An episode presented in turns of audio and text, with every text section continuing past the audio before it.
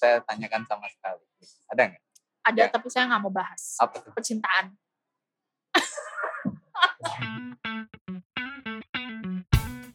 Secangkir Podcast Obrolan santai bareng Rizky dan teman-temannya Kadang kita serius, kadang lucu, tapi bermanfaat Yuk dengerin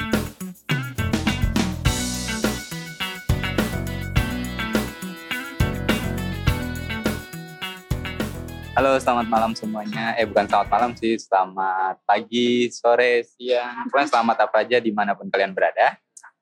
Hari ini Secangkir Podcast masuk di episode ke-6. Episode ini pertama nih, gue nih ada kedatangan bintang tamu wanita. Bisa dikenalkan diri dulu mungkin, Mbak? Halo, saya Daniela Jesslyn. Boleh dipanggil Jesslyn atau Hmm. sekedar Jess aja mungkin Ya, ya. Jessie aja. ya, Jessie. Jessie boleh. Oke, Jesslyn. Eh, lebih enak dipanggil apa tadi? Jessie. Panggil Kak, Mbak, Ibu, apa Nggak nama aja? pakai embel-embel boleh? Oh iya, Nah, iya. Biasanya merasa tetap muda gitu loh. Iya. Oke, manggilnya Jessie aja berarti ya. So, bisa ceritain dikit nggak eh, background kamu apa sih, Jessie gitu? Background. Heeh. Saya sebenarnya anak baru lulus bisa dibilang Iya. gitu ya, baru lulus kuliah sekitar Desember 2017. Berarti dua hampir dua tahun lalu ya. Masih, masih muda lah ya. Masih muda Iya. dong. Nah, Jangan samakan dengan Anda ya. Iya. Desember 2017 lulus di sebuah universitas di universitas Sebut aja nggak swasta. apa-apa. Di sini Oh, kita gitu. nyebut merek bebas. Oh gitu. Ah. Saya lulusan UMN Universitas Multimedia Nusantara. Hmm. Saya angkatan 2013, lulus 2017, jadi masih pas ya, itu normalnya gitu. Saya ngambil jurusan ilmu komunikasi, Wow. bidang besarnya, Iya. tapi spesifiknya adalah jurnalistik Keren keren. gitu. keren. Dan namanya sih keren Ah. gitu ya. Eh, tapi itu menurut saya hanya sebagai title aja gitu. Kenapa tuh? ya nanti nanti ceritain Oh, iya, deh iya, gitu iya, kan. nanti Kalau ini kan background dulu nih ah. gitu. Jadi saya anak jurnalistik UMN um, berlulus Desember kemarin. Hmm. Terus sekarang puji Tuhan udah dapat kerjaan Iya. tetap full time. Ya lagi meniti karir sih sekarang. Oke. Nah dulu, dulu ya udahlah dikit sedikit tadi tentang backgroundnya. Emang dulu tuh cita-citanya apa? Apa sih waktu kecil? Selaras nggak dia sama yang ambil Cita-cita kuliah ya? gitu jurusannya jurnalis gitu. Cita-citanya apa? Kalau anak-anak zaman sekarang itu kan mungkin ya Nah. kalau ceritanya cita-cita tuh udah YouTuber. beda nih. YouTuber, youtuber gitu kan atau podcaster kayak gini ya, gitu kan astronot. astronot yang keren-keren lah pokoknya Iya. gitu kan bidang-bidangnya kita nggak kenal dulu Ah. tapi zaman dulu itu saya masih sepantaran anak-anak umur 9, eh, tahun 90-an Ah. yang cita-citanya adalah dokter Oh dokter. yang semacam-macam gitu deh gitu Presiden. kan. presiden yang tinggi-tinggi banget gitu kan dikira nggak ga- eh, dikira nggak susah gitu ya meraihnya dulu cita-cita saya adalah dokter Dokter. Wow. Gue jadi terlena nih dengar cerita dokter. mohon maaf loh bukan maksud loh Lanjutin aja lagi. dulu cita-cita Iya, iya. dokter ya dibilang nyambung atau enggak ya tentu tidak ya Keren sih, keren, keren. Gue juga pernah cita-cita dulu tuh jadi pilot gitu. Mas, mantap. sekarang Sekarang jadinya ya nggak tahu gitu. eh Jadi kan- streamer ya. yang penting sukses ya Ya amin. Amin. Oke. Tapi di setelah lulus kuliah itu kegiatannya apa sih? Lulus kuliah itu sebenarnya kan cuma jeda, jadi saya cuma jeda tiga bulan baru Tiga dapat kerjaan gitu jadi nganggur tuh tiga bulan Iya. Em, sebenarnya ada sampingan yaitu nulis gitu nulis fiksi sih Ah, fiksi. nulis novel Ah. tapi sebenarnya kalau dibilang saya penulis juga saya agak gimana ya berat gitu kayak agak ad- agak ada beban gitu kalau dibilang penulis gitu Oh, kamu karena kan hasilin buku, gitu. ya berarti penulis ya. Ya. Bukan pebuku. Oh gitu ya. Oh ya benar-benar. Berarti eh bisa, Ya. bisa ya, bisa ya. Ya tapi merasa sedikit ada beban sih sebenarnya. Mhm. Karena menurut saya itu cuma sebagai hobi, Hobi. hobi Mhm. gitu. Karena kalau menurut saya title penulis itu sebutan penulis itu untuk orang yang memang eh, produktif Ya. untuk menghasilkan buku gitu kan. Paling enggak misalnya mereka punya target setahun satu buku misalnya Iya, gitu.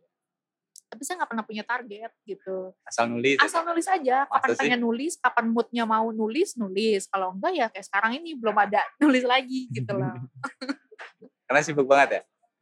sibuk sih bilang sibuk tuh kadang sibuk kadang enggak yang namanya kerjaan Oh. kantoran kan Hmm.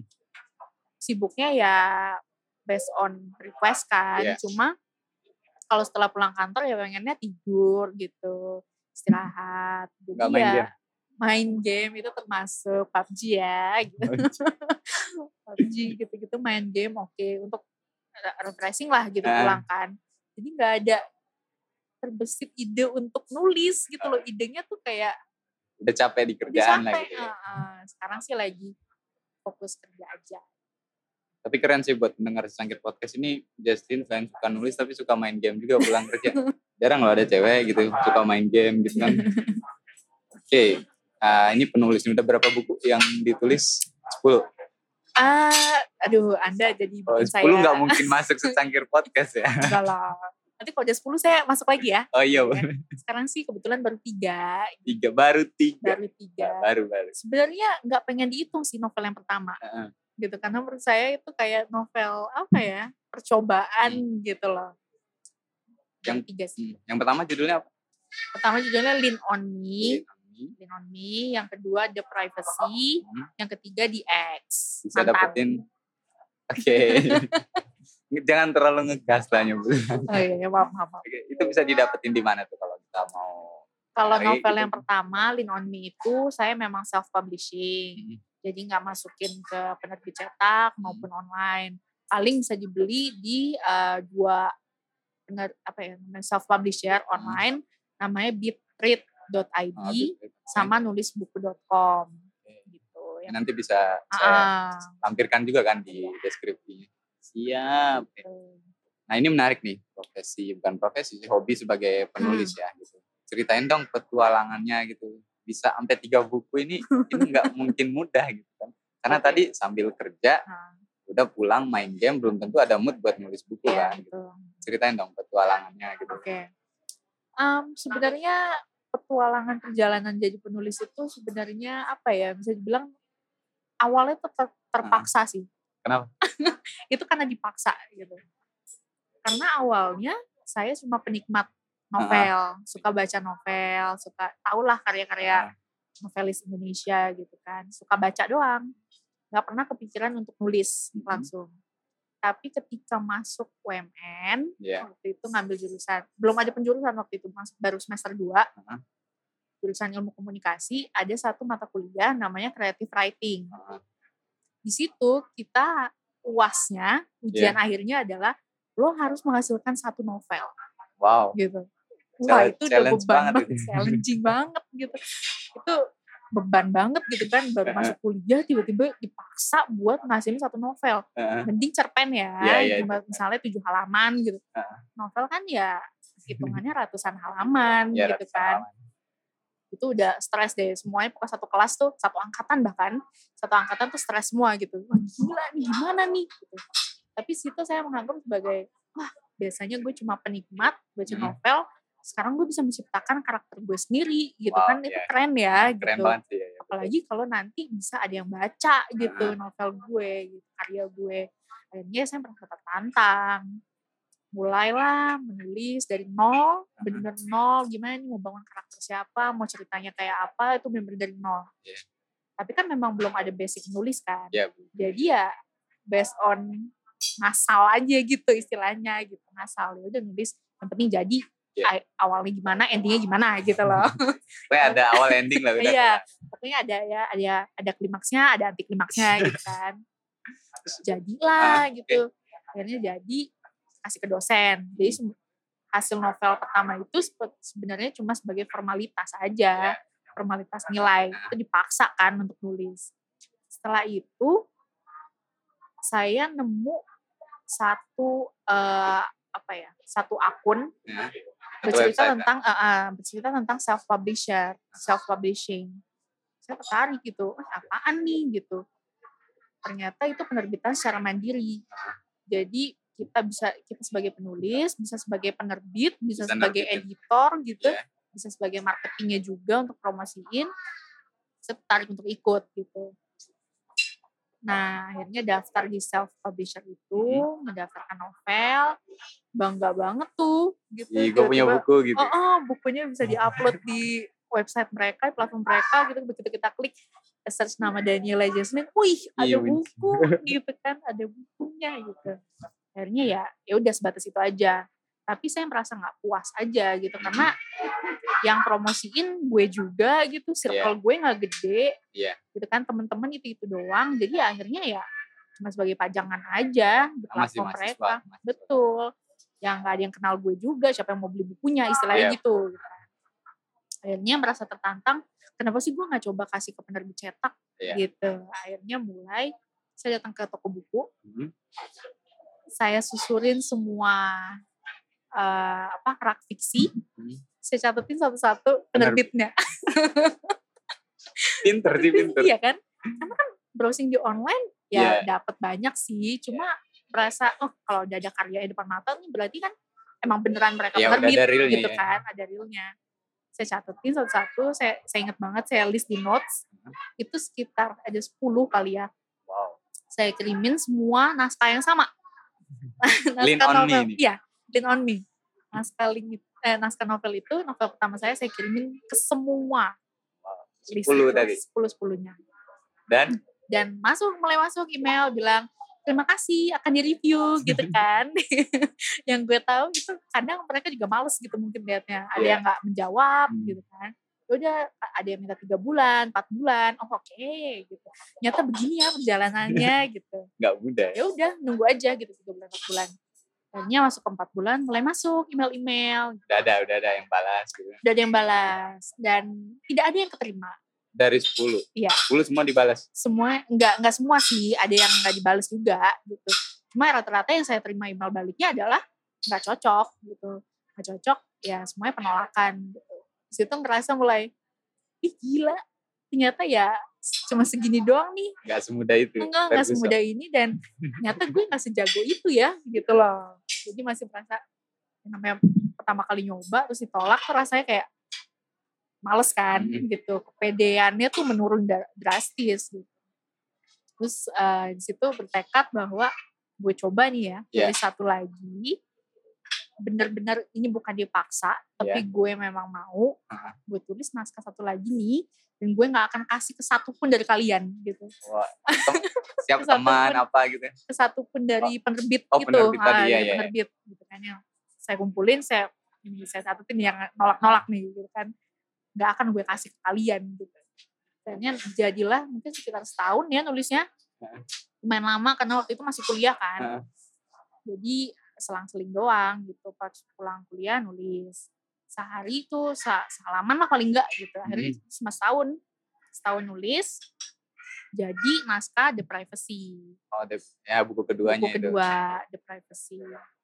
Terus eh, lagi-lagi saya mencoba jalur yang paling cepat yaitu self publishing dulu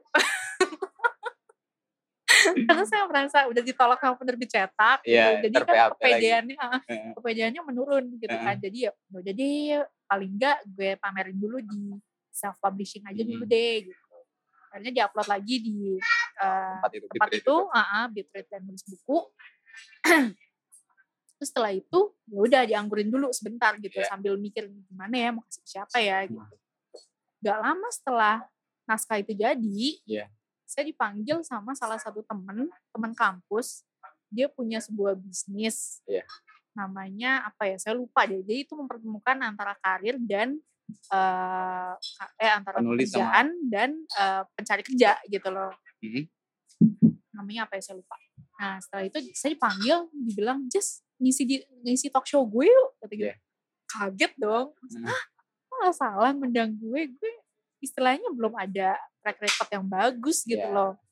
Emang cuma gue doang nih yang diundang? Enggak, ada satu lagi. Oh siapa? Penulis juga, katanya gitu. Penulis muda, setahun di bawah lo deh, katanya gitu. Tapi dia udah punya buku banyak. ya? Nah, bukunya itu ternyata dia sudah memiliki sekitar enam buku waktu itu. Ini agak minder nih jangan-jangan. drop banget men drop banget itu rasanya tuh kayak aduh enggak deh namanya Rahel waktu itu yang Iya. ngajakin aduh enggak deh Hel. Enggak deh kayaknya gue nggak berani sih kalau menyaingi dia gitu. Ah. lo kayak mau membunuh gue gitu. Hmm. mau ngebunuh gue satu panggung sama dia ngobrolin buku. Enggak Jess ini beda dua hal yang beda. Jadi lo ngomongin tentang self publishing si anak ini yang penulis muda ini Hmm. ngomongin tentang ya dia penerbit cetak gitu loh. Karirnya di situ gitu. Beda kan? Maksudnya? iya, beda. ya beda sih. Cuma cuma kan minder juga gitu itu saya nggak nggak langsung say yes Ah. gitu. Dalam arti ya udah gue mikir-mikir dulu ya. Hmm, singkat cerita nggak tahu keberanian itu datang dari mana kenekatan itu datang dari mana. Iya. akhirnya saya bilang hell yuk gitu. Yuk bikin yuk gitu. Ngisi. Ah. akhirnya ngisi lah di acara tersebut. Itu masih ketawa sih kalau ngebayangin. Kayaknya aduh gue eh gue kok berani ya Iya, iya, gitu padahal lu bukan siapa-siapa Jess. Kok lu mau gitu berani ngomong di depan banyak orang? Lumayan loh lumayan rame waktu itu. Saya liatin gitu kan di acara itu. Rata-rata memang penggemarnya si penulis muda itu. Wah, dan gak ada penggemar Daniela sama belum sekali. ada. Ada satu-satunya temen teman saya sahabat saya datang waktu itu. Itu rasanya tuh dapat satu aja yang mau perhatiin gue. Terus saya aduh seneng banget, banget gitu ya. kan. Terus akhirnya ya ngisi talk show di situ saya banyak dicecar pertanyaan kenapa lo nggak mau nyoba ke penerbit cetak? Gitu. Saya kan malu juga ya Iya. mau ngomong gue ditolak soalnya. Iya. kan nggak berani kayak malu kan. Saya bilang oh iya nanti pasti akan dicoba. Cuma untuk sekarang memang saya nyaman di self publishing nah, Nyaman. Heeh, tapi pulang dari situ kepikiran gitu kan merasa tertantang juga. Ya, nyoba lagi lah. coba lagi. Akhirnya saya ca- eh, saya lihat-lihat buku si penulis muda itu wah banyak juga ya bukunya ya. Terus saya lihat ada satu penerbit dia anaknya dari Gramedia gitu loh. Dari Gramedia Terus saya ngeliat wah ini kayaknya oke nih cukup beken gitu. Dan saya belum pernah propose naskah Iya. apa pun. Saya kirim lah gitu dengan Dan itu gak termasuk yang 10 tadi kan? nggak termasuk karena masih dendam men. Saya kirim ke dia hanya seorang dia doang. Heeh. penerbit itu satu-satunya. Iya. Udah habis itu tutup mata gitu. Tutup Nunggu mata, aja tutup udah telinga udah udah, udah, udah, udah, pokoknya gue udah nyoba gitu ya. Kalau ditolak juga ya udah deh satu-satu aja coba pelan-pelan. Tiga nggak nyampe tiga bulan deh kayaknya. Di ini dong di email balik Hmm. dan dibilang di situ diterima. Wow. Itu- diterimanya tuh emailnya tuh di bold dan Iya. diterima. Yang saya cari adalah kata ditolak ya Iya, kan? tapi ternyata diterima gitu. Jadi kayak gila nggak percaya gitu berapa menit gitu di depan laptop. Nih lo nggak bercanda kan? Gitu gue terima nih serius suka gitu. Akhirnya ya udah minta prosedurnya dipenuhi NPWP segala macam untuk royalti. Singkat cerita nggak sampai mungkin sekitar dua bulan Iya. mereka butuh untuk eh, cetak. Hmm. masuk ke toko buku dan satu rak dengan penulis, Penulis itu. yang tadi, yang muda tadi. Akhirnya satu rak dengan dia gitu jadi rasanya itu kayak wah ini ya rasanya Iya. bisa apa ya bisa menghasilkan karya gitu. Wah, tiga tahun lagi gue udah banyak lah bukunya mungkin ya. amin amin ya mudah-mudahan ya Dan itu buku yang kedua kan. itu kedua Terus yang ketiga masih sama nggak publishernya sama dengan buku yang kedua? masih sama cuma memang ini publisher yang sama ini bilang mau coba nggak ke market eh, ebook ke Hmm. market digital Iya, gitu karena sekarang kan mulai beralih nih Iya betul. ya kan toko buku juga udah mulai sepi gitu karena orang kebanyakan bawa iPad ke mana-mana untuk Iya, betul. baca jadi saya bilang oh ya udah boleh kita terbitin secara ebook dulu gitu di platformnya Gramedia sekarang udah ada di gramedia.com sih untuk buku yang ketiga Ya tadi saya juga udah lihat di aplikasi Gramedia itu bisa di download Hmm, ya. betul gitu. Terus pernah dihubungi nggak sih set- setelah ini Jesslyn udah nerbitin buku pertamanya tadi lah nerbitin di lewat publisher apa anaknya Gramedia tadi gitu Hmm. kan. Nah, setelah itu tuh namanya udah ada lah gitu kan. Cie gitu kan. nggak tahu ya kalau itu Sempat ada apa penerbit lain nggak yang coba ngubungin gitu? Apa 10 tadi itu yang udah didendam tadi itu Heeh. ada ngubungin balik nggak gitu oh enggak tahu? enggak belum belum Nggak Oh itu, itu Ah. belum pernah. ah belum belum karena memang satu-satu kan ya Ah. jadi saya memang proposnya satu-satu dan penerbit itu kan memang ada jangka waktu kerjasamanya Iya. gitu jadi kalau udah kontrak sama misalnya yang ini nih sama Hmm. Gramedia misalnya kontrak Iya. mereka ada jangka waktu tiga tahun bahwa naskah itu nggak boleh dikasih ke mana-mana Oh. gitu Tapi kalau nulis buku ba- buku baru buku baru sekarang untuk sekarang belum belum karena saya seperti yang saya bilang tadi belum ada moodnya gitu masih mood main game ya. masih mood main mudah-mudahan sih tahun depan mudah-mudahan buku keempat. Minum-minum dulu, minum dulu. ini, ini gue dari tadi udah nahan ketawa gitu kan. Iya kenapa sih ketawa terus sih? Senang aja gitu. Ceritanya tuh inspiratif. Sama kocak ya bikin ketawa jadinya. Jadi nggak bikin bored gitu. Bukan boring. Boring dong. Aduh. Gitu. Oke, eh, terus gue punya pertanyaan ini agak lumayan berat sih. Oh, Jadi apa sih yang pengen Jesslyn tuh tahu Hmm. lebih awal sebelum terjun sebagai seorang penulis? Jadi gue harus tahu, harus tahu sesuatu nih lebih awal nih sebelum gue benar-benar terjun ke dunia nulis. Lebih ke hmm, genre kali ya. Genre. Heeh, genre novelnya gitu. Karena penulis itu kan pasti ada ciri khasnya masing-masing. Iya. Jadi kita tuh nggak bisa ngebandingin penulis yang ini dengan yang itu walaupun genre mereka sama. Iya. Karena kan otaknya beda Mhm. gitu. Jadi mungkin genre ya yang pengen diketahui. Gue pengennya nulis apa nih? Horor Hmm. kah? Thriller kah? Iya. Romance kah? Gitu. Harusnya lebih tahu, tahu lebih awal. Tapi karena saya seperjalanannya ngasal, ya, karena dipaksa dan ngasal, jadi ya saya kecebur di romance, Romance. sekarang. Di Iya, tiga itu semua romance semua. romance. Ada Cok? punya datanya nggak pembacanya gitu punya nggak? Jadi ada cowok gitu, cewek gitu. Oh, dari buku kedua sih. Buku kedua kan Iya. eh, di seluruh di seluruh toko buku se-Indonesia kan. Iya. Jadi ya tiap hari ada sih yang masuk DM gitu. Ah. Suka nih sama novelnya, jalan ceritanya. Tapi kebanyakan memang cewek. Cewek. Karena ceritanya mungkin kan lebih ke blok cewek gitu. Sudut pandang orang pertama cewek. Jadi mungkin merasa lebih relate kali ya perempuan gitu. Jarang sih laki-laki. Jarang nggak? Hmm. tahan, tahan, tahan. Oke, terus dari ketiga gitu. Ketiga novel itu yang paling disuka yang mana? paling suka ya. Hmm. Novel tuh ibarat anak Apa? sih sebenarnya. Jadi kalau dipilih yang mana yang favorit nggak tahu Pasti, sih. anak, pasti ada anak bawang dong. Anak bawang mungkin novel yang pertama ya. Yang pertama. Tapi yang paling novel kedua sih mungkin. Yang Karena itu kan pertama kalinya diterbitkan secara cetak, Ah. semua orang mulai tahu gitu kan, biasanya siapa sih gitu. Iya. Novel pertama, novel kedua paling berkesan. sih. Kedua, itu Apa tuh? pengalaman pribadi nggak sih? apa itu dirasain sebelumnya apa sesudahnya? Maksudnya gimana tuh? Jadi enggak enggak kalau dilihat lagi nih Heeh, yang the privacy ini heeh. itu tuh ada di kehidupan pribadinya Jesslyn. Apakah sebelum Wah. nulis itu buku atau sesudah nulis itu buku gitu? Um, ada, ada. cerita pribadi. Saya nggak bisa bohong sih nih. Saya takut ya, saya takut dosa. Baik saya jujur aja gitu. Ada, Iya. tapi ya mungkin persenannya sekitar 30 persen 30 lah. persen. Nah, nggak banyak. Oke. Oke, terus kalau dalam nulis buku nih, Hmm. cara Jesslyn tuh nentuin karakternya itu gimana sih? Karena ini kan, Pak, kita harus punya empati juga kan, gitu Hmm. nulis buku. Gimana kita di posisi seseorang gitu kan? Nah, cara nentuin karakter cowok, cewek, gitu itu gimana? Sebenarnya lebih ngebayangin ceritanya dulu. Ceritanya tuh mau apa sih? Misalnya nih, misalnya Iya. tentang perselingkuhan. Kita ngebayangin ceritanya mau kayak gimana nih? Siapa yang selingkuhin? Iya. Misalnya gitu. Ceweknya apa cowoknya? Iya. Oke, ceweknya diselingkuhin. Hmm.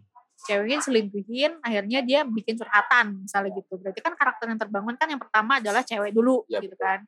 Ceweknya karakter seperti apa nih? Apakah dia tegas, apa dia lemah, begitu diselingkuhin dia nangis atau gimana?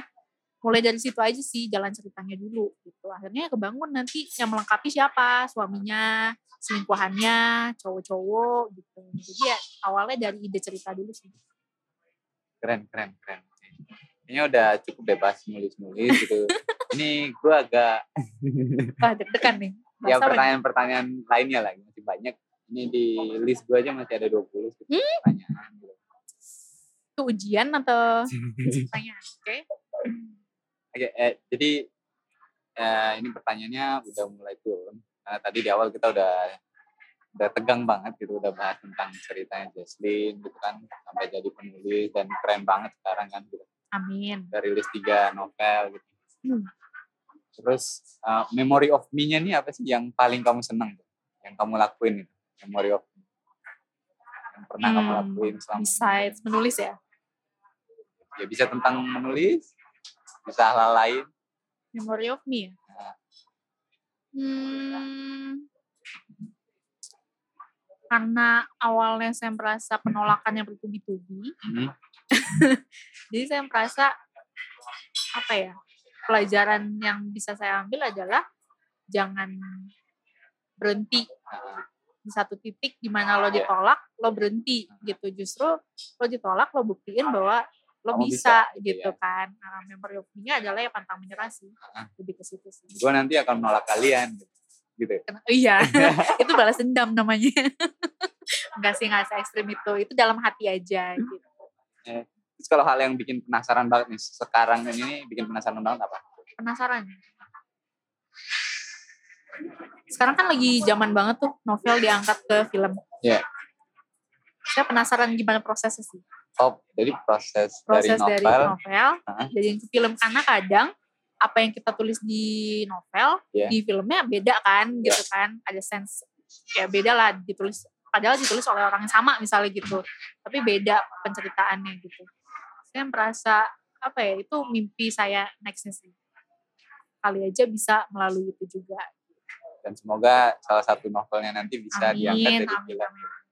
Wow, keren sih. Terus yang kalau kegagalan, tadi kan penasaran kalau kegagalan paling nyakitin selama karirnya gitu. gagalan ya. Apakah tadi penolakan itu ya atau ada hal lain gitu? ya ditolak 10 penerbit ya gimana nggak sakit ya Iya. gitu. walaupun nggak semuanya nulis bahwa itu ditolak sih Heeh. tapi ya merasa bahwa mereka nggak jawab ya mereka nggak suka gitu kan tolak 10 penerbit sih menurut saya lumayan sih sakit sih Iya. dari karir penulis itu sih yang paling sakit sih Ya, sakit banget. Ah, Nah itu sakit. Tapi selama menulis ini dapat dukungan dukungan itu dari mana aja sih? Apa dukungan penuhnya dari keluarga, gitu, dari pacar, dari mana? Gitu. dari keluarga pasti dari keluarga karena mereka yang tahu dari awal kan Iya. dari saya nulis buku pertama yang buat dosen aja buat ngejar nilai aja Iya. mereka turun tangan semua gitu nyetak ke percetakan gitu kan terus dibagusin lah layoutnya segala Iya. macam itu papa saya tuh yang kerjain Wow. iya jadi merasa ya semua mendukung sih menurut saya kan dukungan terbesar itu pasti dari keluarga sih Oke. Keren, keren, keren.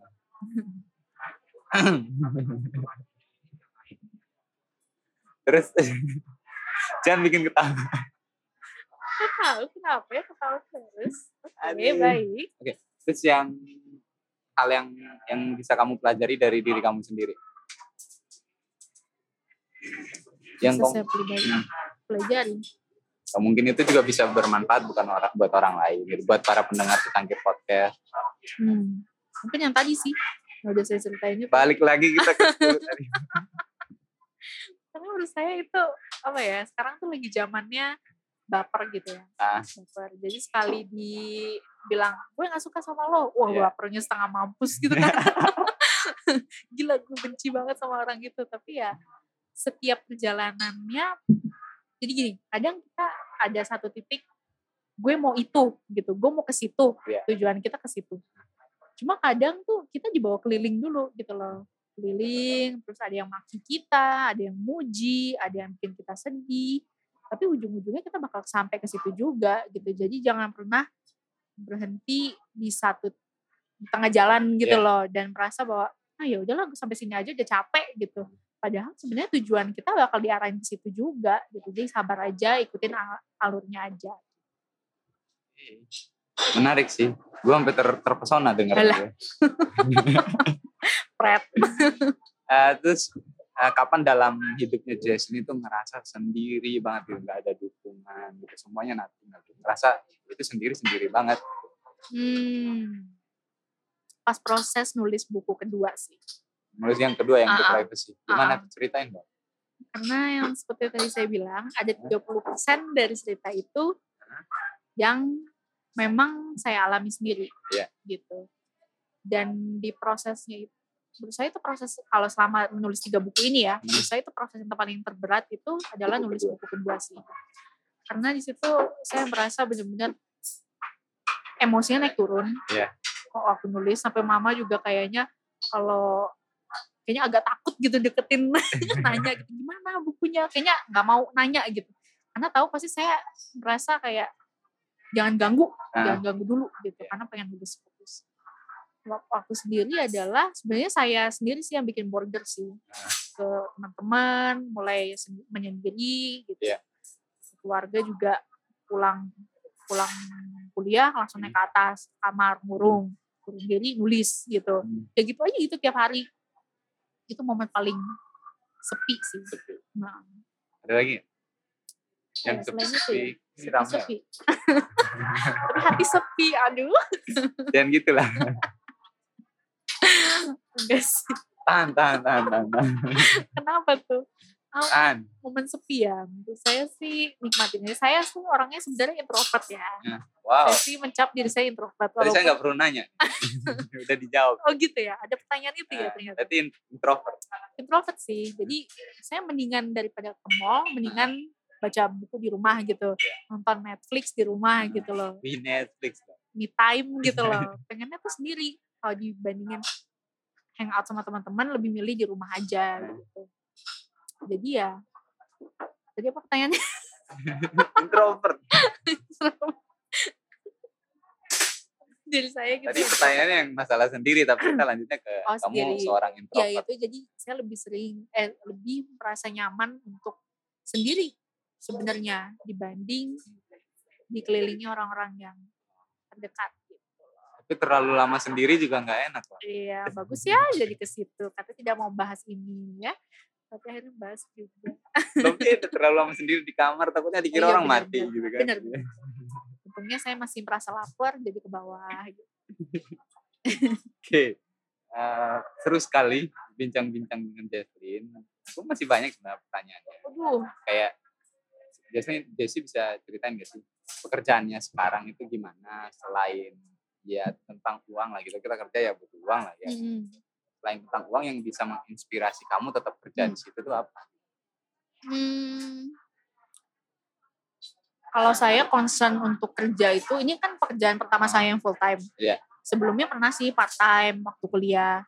Tapi ya kalau part time nggak berasa ya, Iya. gitu kan kerjanya setengah hari doang. Ini kali ini full time, saya merasa kantor itu akan sangat nyaman ketika satu sama lain itu support Mhm. gitu loh, solid kekeluargaannya berasa. Gitu. terus Jadi menurut saya concern saya selain uang iya juga kesulitan di sini sih Ah, di kantor yang di sekarang, kantor yang sekarang. solidnya oke banget tapi betah kan betah puji Tuhan ya betah apa apa ngomongnya Oh. Mbak? betah puji Tuhan ya. Tadi ada yang diomongin sebenarnya tapi disensor ya. Oh enggak enggak enggak. Betah betah banget. Nah, manggilnya apa sih listenernya apa? Manggil listenernya Eh, apa sih? enam gue belum nyari gitu. oh belum nyari oke. Kalau disingkat tuh sekpot enak banget. Setangkir, sekpot? iya sekpot. Enak kan? Wow. Tangkir podcast. Oh iya sekpot. Ini lucu juga sih. Iya Ah, bener. oke baik. Next. Udah bosan belum ah belum Oh, belum masih masih banyak yang mau diceritain kayaknya udah udah cukup ya. Enggak maksudnya tadi di awal juga udah banyak banget kan kayak panjang banget. Mungkin udah di skip juga tadi sama listenernya gitu. Saking panjangnya. Tapi gitu sih kalau perjalanan ya sejauh ini selama 24 tahun Hah? baru itu sih yang bisa saya share sih. Terus hobi ada nggak sih selain jadi penulis gitu Hobi ya. Hmm, hobi ya selain nulis apa gitu? Kalau dulu tuh main musik sebenarnya. Eh, bisa? Keyboard kayak gitu-gitu, keyboard, drum bahkan saya pernah keyboard apa piano nih? Keyboard keyboard. Piano perang Eh, drum bahkan pernah belajar juga. Heeh. kalau dulu tuh melampiaskannya memang ke musik juga sih. Tapi sekarang karena nggak pernah diasah jadi hobi saya sih masih menulis nomor satu sih. Heeh. Main game bukan hobi. Kerjaan. Itu mengisi waktu luang sebenarnya ya. Saya nggak mau anggap itu sebagai hobi. Heeh. tapi tiap hari nggak sih main? Parah banget gue dijudge banget.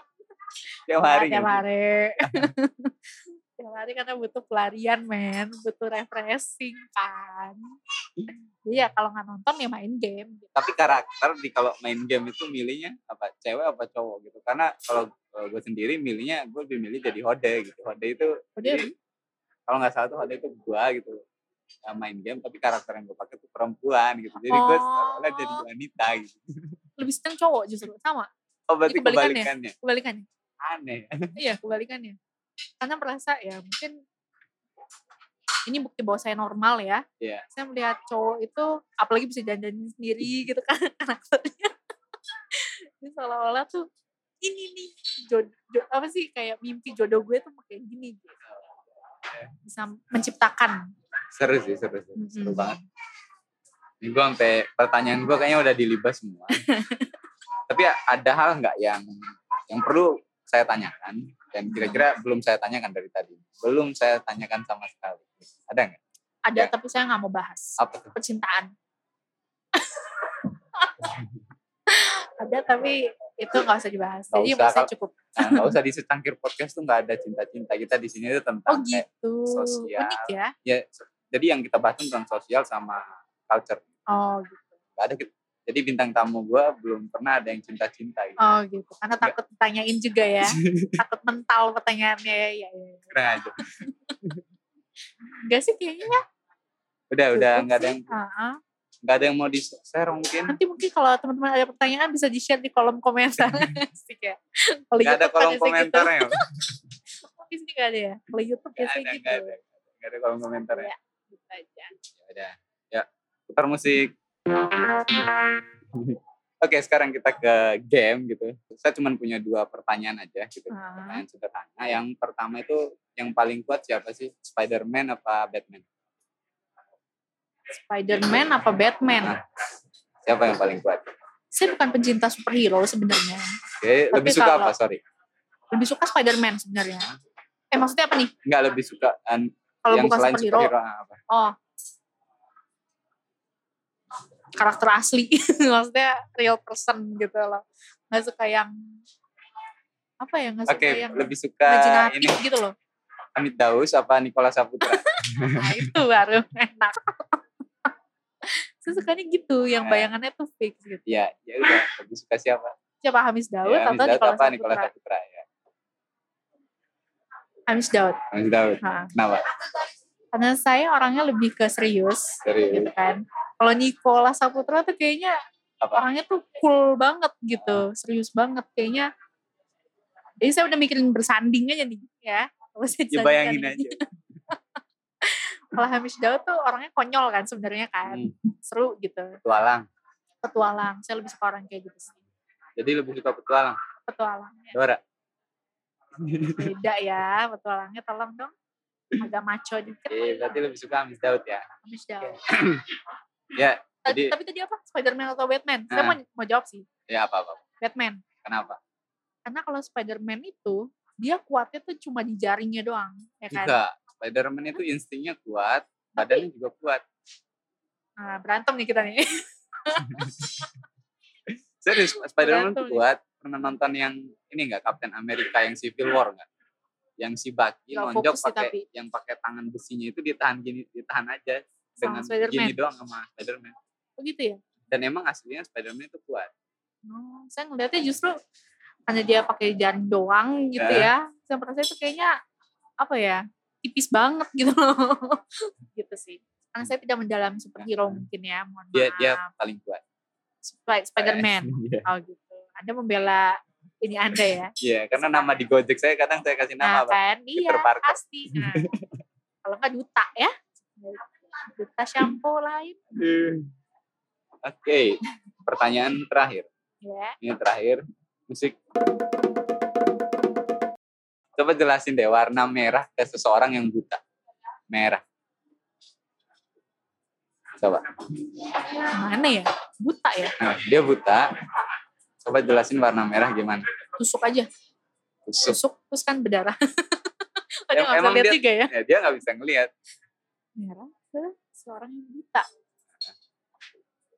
Um, merah ke seseorang yang buta. Ayo, Susah sih. Coba aja gambarin. Misal saya buta ya udah coba jelasin. Sekitar mungkin Dia buta dari lahir. Wah, Maksudnya dia buta nggak dari pernah. lahir. Jelasin warna Wah, merah. susah ya dia nggak pernah ngeliat warna dong kalau gitu. Iya dia nggak pernah. Makanya coba jelasin. Kalau hitam bisa, ya kan? Iya iya karena dia, dia, dia gelap apa-apa. gitu kan. Kalau merah, merah. oh sinarin lampu di matanya. Merah kan jadinya? Itu kuning. Katanya, Hah? Enggak dong. Kalau aja matanya ketutup, terus dipakein center Nah, gitu. Emang tahu yang Apa ya? dirasain orang buta gimana? Emang itu Oh dia iya, bakal ngelihat. Enggak sih. enggak kan? Iya, iya. iya. Ih, dia nggak bisa lihat ya. Coba. Apakah ada opsi menyerah di sini? oh, nggak ada opsi nyerah. Coba jelasin aja. Itu, hanya itu. Cetek itu loh otak saya loh. Nggak bisa. Nggak bisa. Kalau gue sih kayak marah. Marah, kesel, api. Eh api, sorry bukan api. Panas. Oke. Panas. Oh. Kebayang nggak? Kebayang nggak? Panas. Panas. Merah ya Dia pasti bisa ngerasain kan? Ah, ah, ngerasain. Kalau panas berarti merah dong. Oh gitu ya. Iya, saya pas- belum pernah buta sih, maksudnya amit-amit ya. Saya nggak nggak tahu deh apa dia bisa membayangkan itu merah atau enggak. Nah, gitu. ya. Kalau biru bisa nggak jelasin? Warna biru. Tadi udah dapat hintnya gitu dari warna merah. Kulkas mungkin dibukain kulkas dingin, Dingin putih dong. dingin sejuk-sejuk itu kan biasa kalau di iklan-iklan kan biru.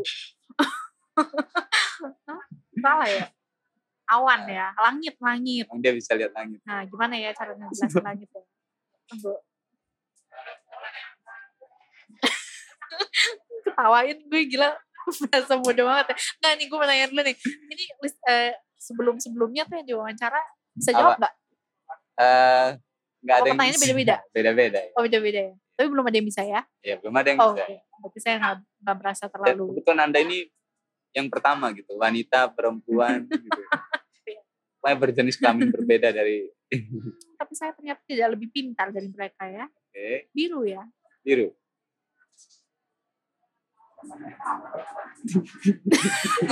Hening. Dengarkan suara sekeliling. saya nyerah loh. Oke Biru. nyerah. Oh. Ya. Agak susah sih. Kayak air gitu kan. Air di laut. Biru? Nggak. biru cuma kan dia nggak bisa ngerasain maksudnya nggak Iya. bisa lihat Pokoknya biasanya kalau gue mau jelasin sih, apa yang orang nggak bisa ngeliat tuh apa yang bisa kita rasa aja. Coba ya kayak tadi api Ah. gitu kan, panas. panas marah. Biru ya mungkin bener lembut. iya Kasih kucing gitu kan, oh ini biru. Kasih Iya. air gitu. Nah, bisa semuanya dong ya kalau gitu ya gue dijebak ya Stres banget kelihatan bodohnya loh saya di sini Oke, hmm, kalau nih eh, dari pendengar Pet- podcast mau ngobrol-ngobrol sama Jesse gitu, mau nanya-nanya, Hmm. bisa dihubungi di mana nih? di sosial media. Langsung aja di mana? semuanya username-nya sama at Daniela Jesslyn Danielanya L E double L. Oke, terus Jesslynnya J E S L Y N N double N gitu. Karena kalau double S itu orangnya beda. Oh gitu. Heeh, tapi Iya. sama namanya Oke, dan nomor handphone nggak usah? Nggak usah. di DM aja Oh, nanti di kalau DM saya aja. mau kasih saya kasih Tapi kalau di private gimana? Enggak. nyindir ya Enggak, Twitter Twitter saya udah nggak private kok Twitter, kok. Twitter aja boleh ya Oke, terima kasih banyak nih terima buat kasih Daniela banyak kesempatannya sempet hadir di sini gitu. Kita kebetulan lagi di tempat yang cukup ramai gitu. Mm-mm. kita lagi sedikit minum air doang di sini tempat rame terus semoga menginspirasi lagi para pendengar tangkir podcast tadi jadi mungkin ada yang mau mulai self publishing gitu atau mulai coba-coba nyari apa penerbit atau publisher publisher gitu Ya. untuk buku-bukunya dia mungkin bisa dicoba atau bisa tanya-tanya diskusi sama Mbak Daniela Sih. Daniela ini akhir kata secangkir podcast terima kasih bye bye Terima kasih sudah mendengarkan secangkir podcast. Jangan lupa favorit kita di anchor.fm dan berikan review di Apple Podcast. Dan follow kita di Spotify juga. Sampai jumpa di episode berikutnya. Bye.